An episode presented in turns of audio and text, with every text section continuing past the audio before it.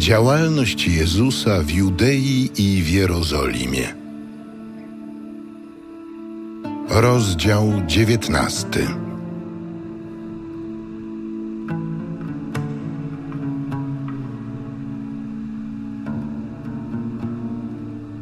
Gdy Jezus dokończył tych mów, opuścił Galileę i przeniósł się w granice Judei za Jordan. Poszły za nim wielkie tłumy i tam je uzdrowił. Wtedy przystąpili do niego faryzeusze, chcąc go wystawić na próbę i zadali mu pytanie. Czy wolno oddalić swoją żonę z jakiegokolwiek powodu? Czy nie czytaliście, że Stwórca od początku stworzył ich jako mężczyznę i kobietę?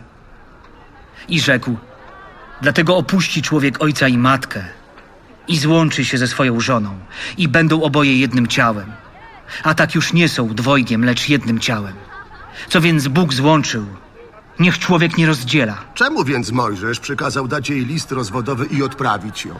Przez wzgląd na zatwardziałość serc waszych pozwolił wam Mojżesz oddalać wasze żony. Lecz od początku tak nie było.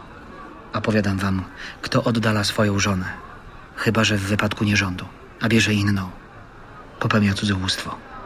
I kto oddaloną bierze za żonę, popełnia cudzołóstwo. Rzekli mu uczniowie. Jeśli tak ma się sprawa człowieka z żoną, to nie warto się żenić.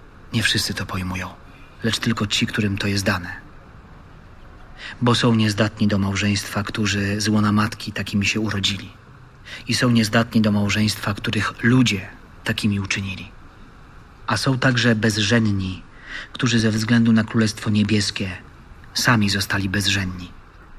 Kto może pojąć, niech pojmuje. Wtedy przyniesiono mu dzieci, aby położył na nie ręce i pomodlił się za nie. A uczniowie szorstko zabraniali im tego. Lecz Jezus rzekł: Dopuśćcie dzieci i nie przeszkadzajcie im przyjść do mnie. Do takich bowiem należy Królestwo Niebieskie. Położył na nie ręce i poszedł stamtąd. A oto podszedł do niego pewien człowiek i zapytał. Nauczycielu, co dobrego mam czynić, aby otrzymać życie wieczne? Odpowiedział mu: Dlaczego mnie pytasz o dobro? Jeden tylko jest dobry. A jeśli chcesz osiągnąć życie, zachowuj przekazania. Które? Oto te. Nie zabijaj, nie cudzołóż, nie kradnij, nie zeznawaj fałszywie. Czci ojca i matkę oraz miłuj swego bliźniego jak siebie samego. Przestrzegałem tego wszystkiego. Czego mi jeszcze brakuje? Jeśli chcesz być doskonały, idź. Sprzedaj, co posiadasz i daj ubogim, a będziesz miał skarb w niebie. Potem przyjdź i chodź za mną. Gdy młodzieniec usłyszał te słowa, odszedł zasmucony, miał bowiem wiele posiadłości. Jezus zaś powiedział do swoich uczniów: Zaprawdę powiadam wam, bogatemu trudno będzie wejść do Królestwa Niebieskiego. Jeszcze raz wam powiadam, łatwiej jest wielbłądowi przejść przez ucho igielne, niż bogatemu wejść do Królestwa Niebieskiego. Gdy uczniowie to usłyszeli, bardzo się przerazili i pytali. Któż więc może być zbawiony? Jezus spojrzał na nich i rzekł: U ludzi to niemożliwe, lecz u Boga wszystko jest możliwe.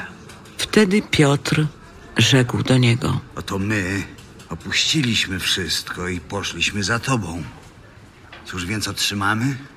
Zaprawdę powiadam wam, przy odrodzeniu, gdy Syn Człowieczy zasiądzie na swym tronie chwały, wy, którzy poszliście za mną, zasiądziecie również na dwunastu tronach, aby sądzić dwanaście szczepów Izraela.